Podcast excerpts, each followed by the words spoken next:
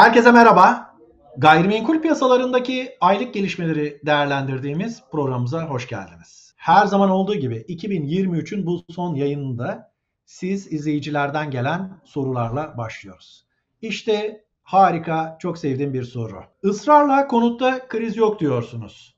Son verilerden sonra aynı fikirde misiniz diye sormuşlar. Aslında bir kişi değil, çok kişi sormuştur bunu. Bu bir barınma krizidir diyen Ahmet Büyükduman. Kira ile ilgili düzenlemelerin kiralarını patlatacağını söyleyen yine Ahmet Büyükduman. Hatta bundan neredeyse 6-8 e, ay önce faiz oranlarındaki bu parasal sıkılaştırmanın konut fiyatlarındaki e, artışı sınırlandıracağını, durduracağını hatta enflasyonun gerisinde artışlar beklediğini söyleyen Ahmet Büyükduman ısrarla konutta kriz yok demiş. Ahmet Büyükduman ısrarla konutta kriz yok demiyor. Ahmet Büyükduman diyor ki konut piyasasında bir çökme, üçte bire inme, fiyatların yarı yarıya geriye gelmesi diye bir durum yok. Bu tür beklentiler rasyonel değil. Bunun arkasında böyle bir şey yok demek istiyor. Ya da Ahmet Büyükduman şunu söylüyor. İşte konut satışları %30 düştü denildiğinde diyor ki ya kardeşim bakın bu böyle değil. Takvim etkisi var. Bunu arındırdığınız zaman gerçekte düşmeler %10 düzeyinde diyor. Dolayısıyla ama tabii gözüyle değil gönlüyle okumak isteyenler bunu böyle algılamaya devam ediyorlar. Şimdi o zaman bu yayının mottosunu da atayım. İnşaat iyi, gayrimenkul kötü. Hadi bakalım kötümserler içinde bir e, bayram şekeri olsun, yılbaşı hediyesi olsun diyelim. Bir başka soru, krediyle konut almak için ne kadar beklemeli? Valla bana kalırsa en az bir yıl beklemelisiniz. Çünkü faiz oranlarının makul bir seviyeye gelebilmesi için en azından bir yıl daha geçmesi gerekiyor. Müteahhit bir izleyicimiz sormuş. 2024 2023'ten daha iyi geçecek mi diye. Herhalde Mayıs, Nisan'dan, e, Haziran'da Mayıs'tan daha iyi olacağı referans yapmış. 2024 2023'ten daha iyi geçmeyecek. En azından ilk 6 ayında böyle bir şey olmayacak. Müteahhit arkadaşımıza bir an önce iskonto yapıp e, hızla inşaatını devam ettirmek üzere satış proje satışlarına ağırlık vermesini tavsiye ederim. Yeni başlayacağı projeler için de acele etmemesini tavsiye ediyorum. O zaman gelelim bu ay açıklanan verilere.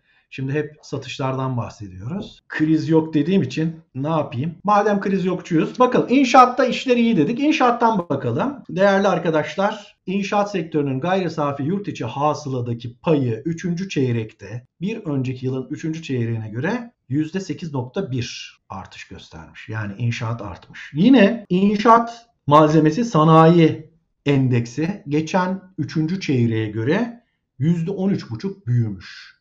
İnşaat cirosu %91 artmış. Yani inşaatta işleri neden iyi? Çünkü Türkiye bir deprem geçirdi ve bu depremdeki yaraları sarmak üzere Maraş'ta, Antep'te, Adıyaman'da, Hatay'da hızlı bir inşaat faaliyeti var. Çok ciddi ölçüde inşaat aktivitesi var. Bu nedenle de Türkiye'nin inşaat sektörü hızlı bir büyüme içinde. Ama emlak sektörü dersek gayrimenkul tarafı parasal sıkılaştırma, faiz oranları nedeniyle, toplumsal fakirleşme nedeniyle konuta erişemiyor ve orada da konut satışlarında bir gevşeme, yavaşlama var. Gelin bakalım onların detaylarını bu şekilde görelim. Şimdi 93.514 konut satılmış geçen ay. Ondan önceki ayda yine 93.000 küsur konut satılmıştı. Demek ki burada dengede. Peki geçen yılın aynı ayına göre %21 gerilemiş. Yıldan yıla yani Ocak Kasım arasındaki gerileme de %15 gerileme olmuş. Zaten bu yılın 11 ayında yaklaşık 1 milyon 100 bin konut satılmış. Her yıl Aralık ayında konut satışları böyle bir zıplama yapar. Muhtemelen bir 150 binlik satış olacaktır önümüzdeki e, içinde bulunduğumuz Aralık ayında. Demek ki 1 milyon 250 bin adet civarında konut satılacak ve geçen yılki konut satışlarına göre yaklaşık %15 konut satışları gerilemiş olacak. Peki e, bu 93 binin içinde 5 bin tane kredili satış var. Kredisiz satışlar 88 bin adet. Esas değerli arkadaşlar gayrimenkul piyasasında kredi politikalarını bir kenara bıraktığımızda gösterge kredisiz satışlar, kredisiz satışlarda düşüş göstermiş yaklaşık %12 civarında. İşte esas olan da bu. Yani kredisiz konut satışlarındaki gerileme gerçekten gayrimenkul piyasasındaki daralmanın, e, geriye gitmenin işareti olarak ele alınabilir. Kasım satışları yine son 11 yılın 2018 birinci sırada, 2023'ün Kasım ayı da ikinci sırada 2018 krizine benzer bir şekilde geriye gitmiş durumda. Şimdi satışların kırılımına baktığımızda da değerli arkadaşlar son aylarda birinci el konut satışlarının oranının yükseldiğini görüyoruz. %29'lardan %33'lere geldi. Bu da şu aslında e, her ne kadar toplam satışlar içindeki birinci el satışları düşüyor olsa da yine de devam etmekte olan projelerde birinci elde önemli ölçüde fiyat tavizleri verildiği ve alternatif olarak da öbür tarafta da ikinci el konut piyasasında da fiyatların yapışkanlığı dediğimiz yani tek tek atomize bireyler fiyatlarını geriletmekte çekimser davranırken iş adamı kimliğini taşıyan basiretli tacir, müteahhit, geliştirici inşaat malzeme enflasyonuyla muhtemel fiyat artışlarını gözeterek iskont oranını artırıp bir an önce elindeki mülkleri likidite etmeye çalışıyor. Bu etki altında da birinci el konut satışlarında görece payının %33'lere geldiğini görüyoruz.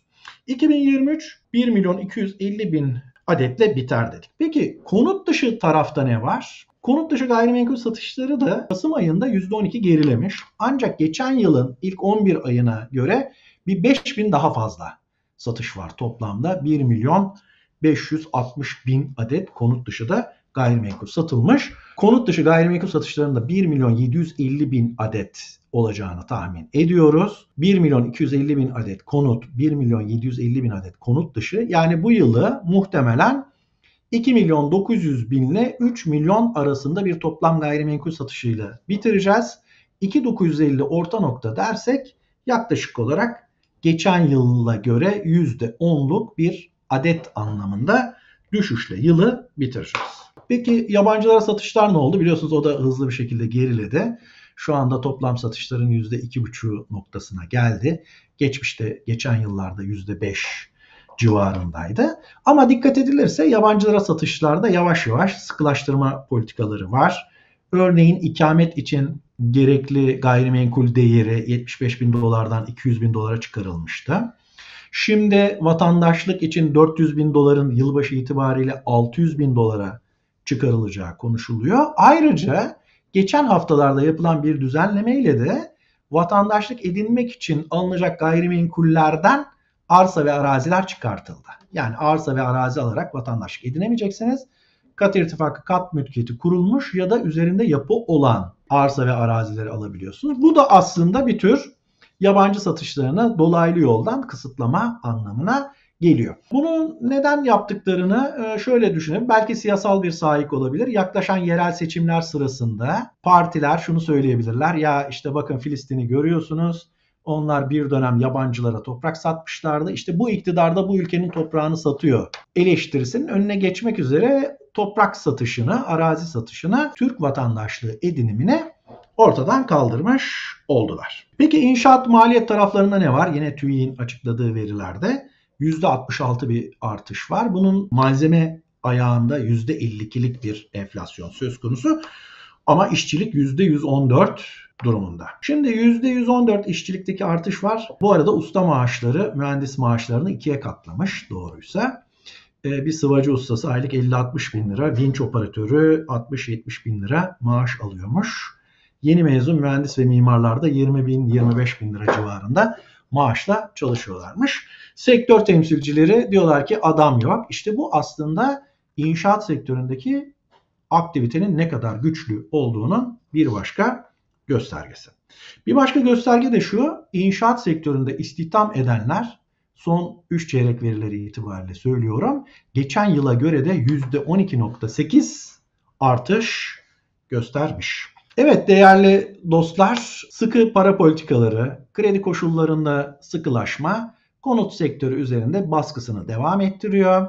2024 yılı için söylersek ilk 6 ayında yine bu baskı devam edecek. Fiyatlarda durulma veya kısmen enflasyonun gerisinde kalma olgusuyla karşılaşacağız. Bu bir gerçek. E, ikinci el piyasada fiyatlar bir müddet daha yapışkan kalmaya devam edecektir. Birinci el piyasada önemli bir iskonto fırsatları mutlaka olacak. 2024'ün ilk yarısında zayıf bir konut sektörü, aynı zamanda ona eşlik eden konut dışı gayrimenkul sektöründe de bir zayıflama, arsa tarla alım satımlarında da bir zayıflama olacağından söz edebiliriz. Önümüzdeki yılda tekrar görüşebilmek ümit ve temennisiyle şen ve esen kalın, barınmada kalın diyor.